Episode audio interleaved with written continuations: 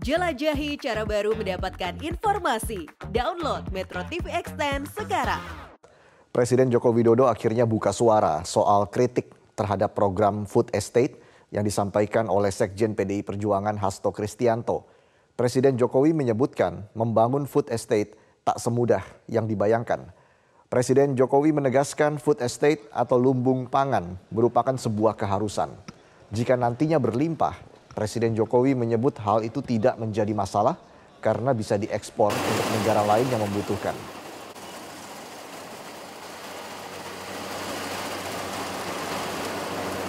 Membangun food estate, membangun lumbung pangan itu tidak semudah yang Bapak Ibu bayangkan. Tanaman pertama biasanya gagal.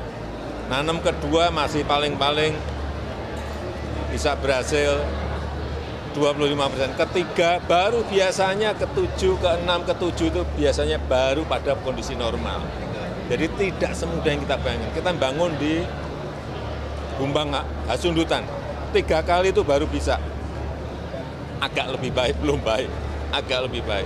Yang di Pulang Pisau, ya Kalimantan Tengah, itu juga belum berada pada kondisi yang normal baik. Masih mungkin separuhnya. Yang di Gunung Mas itu juga masih sama. Problem-problem di lapangan itu tidak seperti semudah yang kita bayangkan. Jadi semuanya akan diperbaiki. Dan semuanya harus dievaluasi, harus dikoreksi, harus diulang, harus di... Kalau kita nggak berani, baru gagal pertama sudah mundur, sampai kapan pun lupakan.